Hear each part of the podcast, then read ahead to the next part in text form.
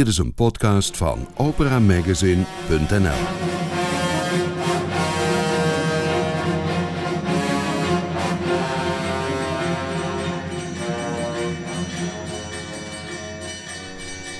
Welkom in Studio Nibelheim.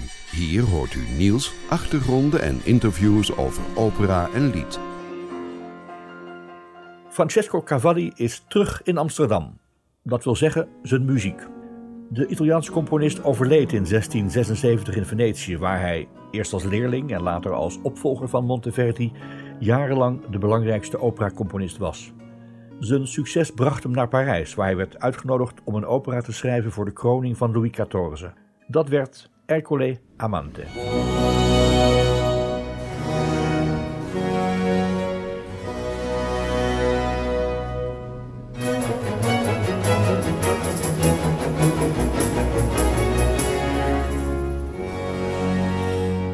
In 2009 ging de zeer barokke productie van Ercole Amante bij de Nationale Opera. Binnenkort, vanaf 12 oktober, is opnieuw een opera van Cavalli te horen. Zijn laatste. Gecomponeerd voor het carnaval in Venetië in het seizoen 1667, maar toen nooit opgevoerd. Pas in 1999 was de wereldpremière. En nu, in 2017, is de opera over keizer Heliogabalus uit de derde eeuw voor het eerst in Amsterdam. Italiaanse opera gebracht door een Argentijnse kern, want countertenor Franco Fagioli, die de hoofdrol zingt, is Argentijn, net als sopraan Mariana Flores en ook de dirigent is geboren in La Plata, Argentinië.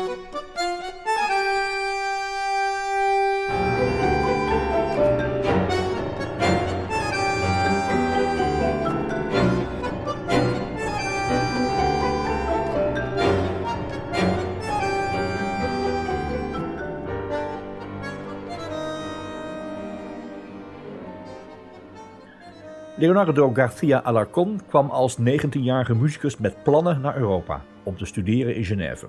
We spraken hem in de dirigentenkamer van de Nationale Opera. De voertaal is Frans, althans voor de dirigent. De vragen gaan in een soort van Frans dat net voldoende is om de maestro mooie en bevlogen dingen te laten vertellen over zijn favoriete componist, Francesco Cavalli, en over de opera Elio Gabalo.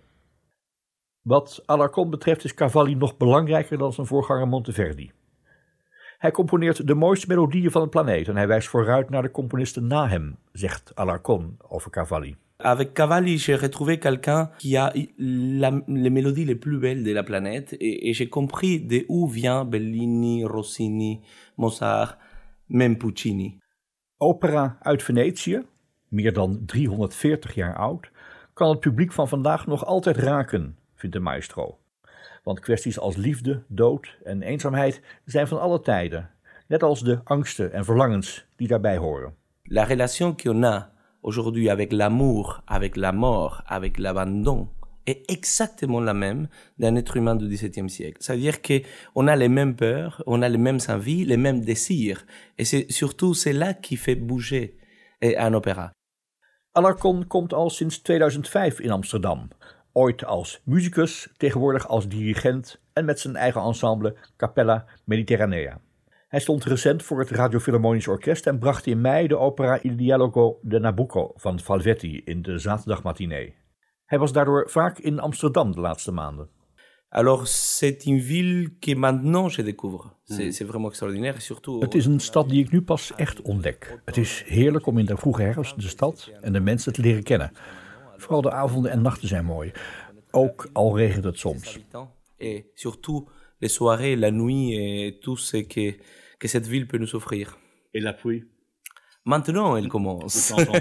De nieuwe productie van Elio Gabalo, in een encenering door Thomas Joly voor de Opéra Nationale de Paris en de Nationale Opera in Amsterdam, werd vorig jaar voor het eerst gespeeld in Parijs. Alors, euh, j'ai un souvenir euh, inoubliable. Euh, la grande fierté de présenter Cavalli pour la première fois à l'Opéra de Paris. J'ai pensé que j'allais mourir avant. Precies een jaar geleden ging deze productie in Parijs. Ik heb onvergetelijke herinneringen aan die periode. We waren er enorm trots op deze opera als eerste in Parijs te brengen. Ik moest denken aan 1662, toen Ercole Amante een enorme strijd opleverde tussen Cavalli en Lully, de hofcomponist. Het werd een mislukking, ook door de intriges van Lully. Justement, alors, Et j'ai ces souvenirs de, de, de, de la fierté qui sentait l'orchestre, le bonheur total de pouvoir euh, amener Cavalli à Paris. Aussi, euh, le faire à l'Opéra de Paris était pour nous un grand défi du point de vue acoustique parce que c'est une salle très très grande et tout le contraire de ce qu'on peut imaginer pour jouer une pièce de ce type. Ça veut dire qu'elle doit être intime pour un théâtre euh, vénitien avec très peu de musiciens. L'idéal, c'est par exemple le Festival de Saint-Provence quand on les monte toujours au, théâtre Jouet de Pomme à 200, 250 personnes, maximum 400 personnes. Mais maintenant, pour pouvoir le faire à l'Opéra de Paris ou à l'Opéra d'Amsterdam, l'orchestre doit être De zaal van het Palais Garnier vormde een grote uitdaging vanwege de akoestiek. Het is een enorme zaal. Ideaal is een theater zoals we dat in Aix-en-Provence hadden. 200 tot 400 mensen. Het vraagt extra inspanning van het orkest en de zangers om dit repertoire in de moderne zalen te spelen.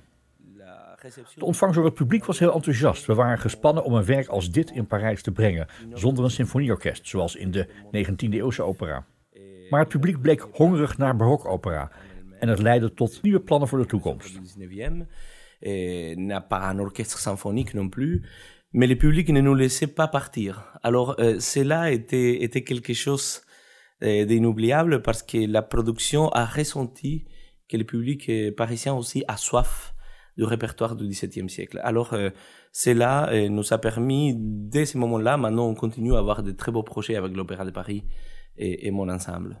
De production voyage de Paris à Amsterdam, une tout différente salle, plus grand, plus moderne. De productie reist nu van Parijs naar Amsterdam. Een andere zaal, groter, moderner. Wordt de Ediogabalo in Amsterdam anders dan die in Parijs? Euh. Euh, Il y a beaucoup de choses qui, qui ont passé. Vous savez que quand vous abordez une œuvre pour euh, la deuxième fois... Het wordt zeker anders. We zijn bijvoorbeeld met een iets andere cast.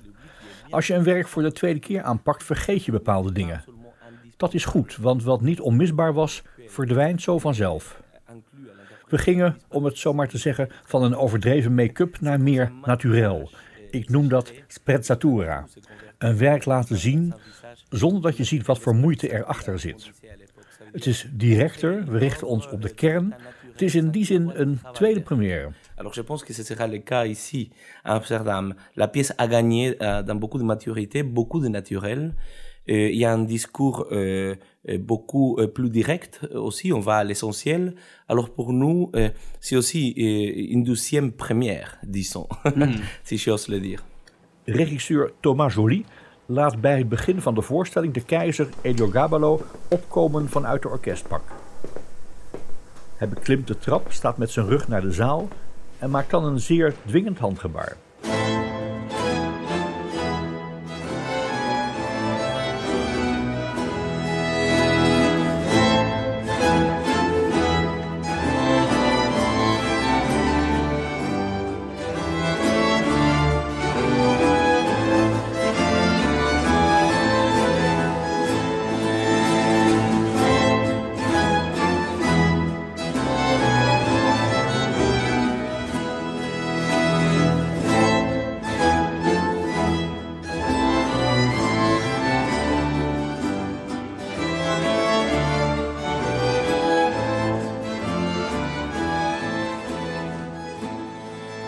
C'est absolument, euh, c'est une idée géniale. C'est normalement lui et ses désirs euh, qui font bouger toute l'histoire. Alors c'est, c'est, on s'est Het is de keizer die alles in beweging zet. Wij gaan staan en hij dicteert wanneer de muziek begint. Hij begint en stopt het verhaal. Alors euh, c'est lui qui met dans l'entrée et, et c'est lui qui arrête l'histoire.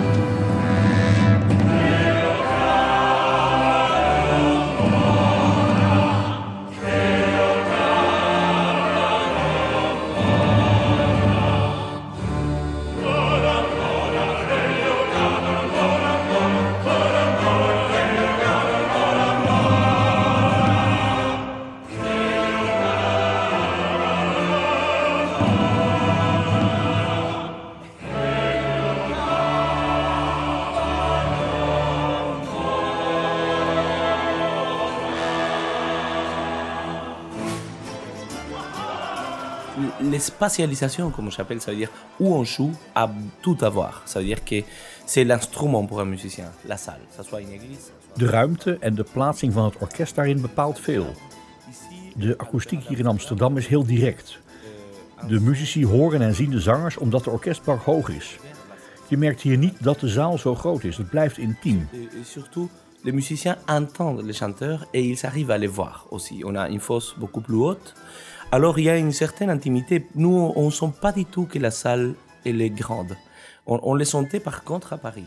À Paris, il y a une acoustique. In Parijs was de akoestiek gemaakt voor de 19e eeuwse opera. Hier is het intiemer, ook voor de luid en de harp. Dat werkt uitstekend.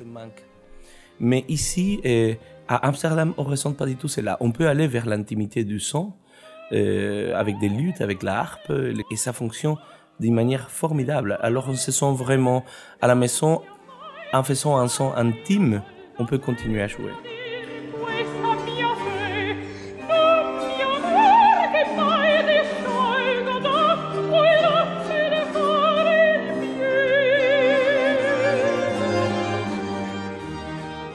Dans cette production, on est 32 musiciens.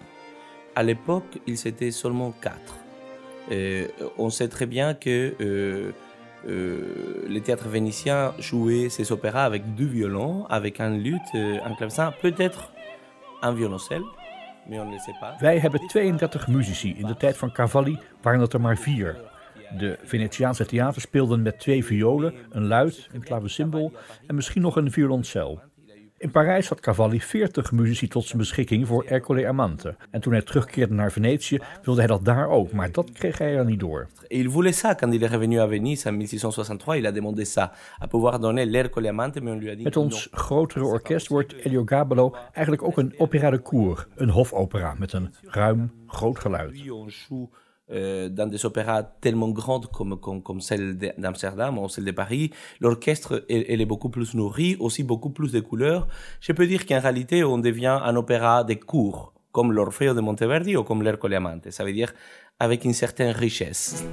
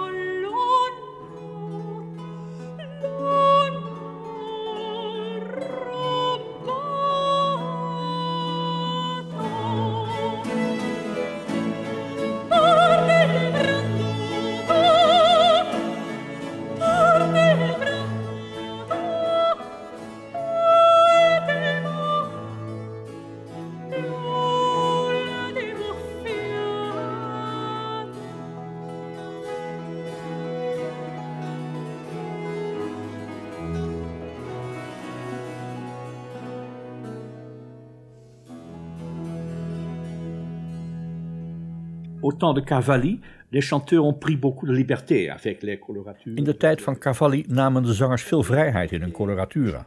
Hoeveel vrijheid krijgen de zangers van u? Alors, euh, il y, a, il y a deux choses. D'abord, il y a... Er zijn twee zaken. Er is wat ik denk dat het stuk is en hoe het moet klinken. Als de zanger een ander tempo of volume kiest dan ik denk dat het moet zijn, dan hebben we een confrontatie, maar dat gebeurt zelden. De zangers hebben uiteraard wel veel vrijheid in het ornamenteren van hun zang. Si après le chanteur, il fait le contraire, désaccélère, chante piano, et on comprend rien de ce qu'il dit, il y a une confrontation entre lui et moi. Ça n'arrive presque jamais. Alors, bien évidemment, euh, que le chanteur a beaucoup de liberté en ce qui a à voir à l'ornement. Oui, l'ornement. Voor wat betreft de interpretatie van het werk hebben we een gezamenlijk doel. Daarin zijn we met z'n allen aan het werk. euh, partagé. Alors, ce n'est pas une question de liberté, sinon que tous les deux, on ensemble à la recherche de quelque chose. c'est une question temporelle. C'est-à-dire la question. De vraag naar hoe authentiek deze productie is raakt aan een groter punt. Moeten we vandaag de dag museumstukken reconstrueren? Nee. Moeten we de emoties van toen tot nieuw leven wekken? Ja. We delen met de mensen die toen leefden dezelfde emoties. De liefde, de dood en de eenzaamheid zijn hetzelfde als toen, met dezelfde angsten en verlangens. Je kunt opera uit de 17e eeuw niet precies zo construeren. Je moet de middelen van vandaag gebruiken om het publiek van vandaag te bereiken. est, est- est universel. C'est-à-dire qu'on a les mêmes peurs, on a les mêmes envies, les mêmes désirs. Et c'est surtout c'est là qui fait bouger eh, un opéra. Après, la question de, de, de, de la mise en scène, c'est c'est une autre. Ça veut dire aujourd'hui, euh, la création artistique et surtout euh, la mise en scène doit parler au public d'aujourd'hui avec des moyens modernes. Même si quelqu'un décide de reconstruire un spectacle, ça ne sera pas une reconstruction. Ik ben er wel van overtuigd dat je de historie moet kennen. Je moet beginnen met de partituur, het libretto, beginnen bij het origineel, het leven van de dichters kennen, het dagelijks leven in Venetië in die tijd. Er was toen een vrijheid die veel groter was dan die van nu. De opera is tegenwoordig veel deftiger geworden. Vroeger was het volksvermaak. Vroeger was de opera voor iedereen. S'apercevoir qu'ils étaient beaucoup plus libres et qu'ils avaient une liberté d'esprit beaucoup plus grande de ce qu'on peut des, des fois avoir aujourd'hui où l'opéra est devenu beaucoup plus courtisane avec un respect énorme pour l'œuvre d'art. À l'époque, c'était simplement un divertissement. Même un peu de snobisme de temps en temps. Oui, absolument. C'est pour ça que je vous dis, c'est- plus un opéra de cours aujourd'hui. À l'époque, c'était l'opéra pour tous. Leonardo Garcia Alarcón is de grote pleitbezorger van het werk van Cavalli. Hij heeft een speciale band, ook met andere componisten. J'ai établi une relation très particulière en général avec les compositeurs. Et je, je pense que c'est quelque chose qui vient de mon enfance. Met componisten heb ik altijd een speciale band gehad, dat stamt uit mijn jeugd. Ik heb altijd het gevoel gehad dat een componist tegen me sprak, me raad gaf, me zei wat ik moest doen. Het voelde als praten met Mozart als een vriend. Beethoven bijna een oom en Bach een grootvader. Ik herinner me hoe Chopin me meenam in mijn un jeugdjaren. un frère, euh, un Beethoven presque, un oncle, euh, un Bach, un grand-père, et savant. J'ai senti tout ça et je me souviens comme si c'était hier. Euh, Met Monteverdi begon het in Argentinië. In Europa ontdekte ik Cavalli. Dat doet me terugdenken aan mijn eerste jaren in Genève als student, het avontuur uit die tijd. In Cavalli heb ik iemand gevonden die de allermooiste melodieën van de planeet geschreven heeft. En ontdekt waar de muziek van Bellini, Rossini, Mozart en zelfs Puccini vandaan komt. Er loopt een rechte lijn van Cavalli naar Puccini. In de ontwikkeling van de Italiaanse opera zit iets ambachtelijks dat niet in andere landen bestaat. In Argentinië vinden we dat alleen een echte Argentijn de tango kan spelen. En zo is dat voor Italianen met opera. Cavalli is de uitvinder van alles wat we later in de opera zouden tegenkomen. Dans la musique italienne et dans l'opéra italien, il y a quelque chose qui un savoir-faire artisanal que les compositeurs s'y sont passés, qui n'existe pas dans d'autres pays, n'existe pas en Allemagne, n'existe pas du tout en France et n'existe pas ailleurs. C'est vraiment un savoir-faire italien. Des fois, je pense que c'est comme en Argentine, les tangos, par exemple, qui est notre savoir-faire, disons. Pour nous, si on nous dit qu'un Brésilien peut chanter bien du tango, on rigole. C'est impossible. Je pense qu'un Italien disait la même chose à cette époque. L'opéra est italien et Cavalli, c'est là, c'est l'inventeur de tout ce que l'opéra va devenir dans les siècles à venir. De band met Cavalli is sterk, zo blijkt. Zijn zoon heet Francisco en dat is geen toeval. Je pense que votre fils s'appelle Francesco. Et c'est pas par hasard. Non, c'est pas par hasard. C'est vrai que avec euh, notre ensemble Capella Méditerranée, on jouait notre premier opéra de Cavalli au festival. In 2013 speelden we in Aix onze eerste Cavalli-opera. En Mariana Flores, mijn vrouw, die in de opera zong, was in verwachting. Toen hebben we besloten de baby Francisco te noemen. Omdat het de eerste muziek was die hij nog in de moederschoot hoorde. En het was zijn eerste opera waarin hij op het podium stond. Daarom moest hij zo heten. Alors, absolument, il devait s'appeler Francisco. Cavalli is een typisch product van het Venetië van de 17e eeuw. Op afstand van Rome en met minder invloed van de katholieke kerk. Alarcon heeft al vaker in Venetië opgetreden. Hij vindt er Cavalli nog altijd terug. les, endroits où il a vécu, euh, près du Grand Canal, par exemple, euh, et aussi l'église de San Lorenzo où il a été euh, euh, enterré, en fait, où il a été...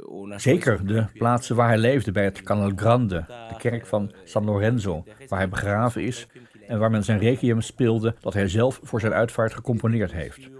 Hij heeft ook veel in de San Marco gespeeld. San Marco. On peut dire que Monteverdi, pour nous, aujourd'hui, c'est le compositeur du 7e, mais à Venise... Voor ons is Monteverdi de componist van opera. Maar in Venetië was dat zeker Cavalli. Ca- Monteverdi reste quand même un musicien de cour, comme l'Orfeo, et un musicien d'église. Bien sûr qu'il va faire d'opéra comme Ulysse et l'Incoronation Epopea en collaboration avec des élèves, mais Cavalli reste quand même le grand compositeur, le créateur de l'opéra vénitienne et de l'opéra moderne aussi. Vanaf 12 oktober zijn er zeven uitvoeringen van de opera Elio Gabalo bij de Nationale Opera. De vraag aan Leonardo Garcia Alarcon: waarom moeten mensen daarvoor een kaartje kopen? Alors, euh, au XVIIe siècle, je pense qu'il y a très peu de- d'œuvres qui peuvent aujourd'hui nous parler de manière tellement... Er zijn weinig werken uit de 17e eeuw die ons vandaag de dag zo aanspreken als juist deze Elio Gabalo. de tout ce que l'opéra va donner, mais surtout aujourd'hui, quelqu'un peut sentir qu'elle est Als je naar onze voorstelling komt, neem je kennis van een van de fundamenten van de operageschiedenis. Maar vooral zul je ervaren hoe tijdloos het is. que Cavalli est entre nous. Alors, c'est pour ça que je vous invite à découvrir Je zou je kunnen voorstellen dat Cavalli zelf in de zaal zit, alsof hij het gisteren heeft gecomponeerd. Vooral daarom nodig ik het publiek uit te komen luisteren. Écoutons la musique assez belle de Francesco Cavalli. En net als de opera eindigt, eindigt ook dit gesprek. Met het kwartet Portistringo voor vier stemmen. Merci Leonardo Garcia Alarcon et bonne chance à Amsterdam. Merci beaucoup, François.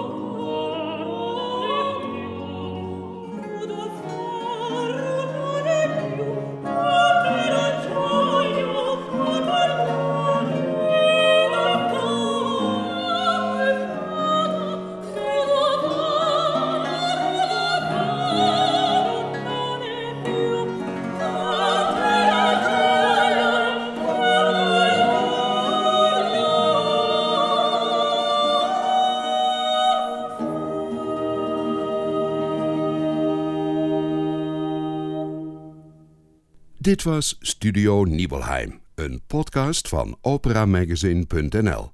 Productie François van den Anker. Kijk voor al het opera nieuws op www.operamagazine.nl.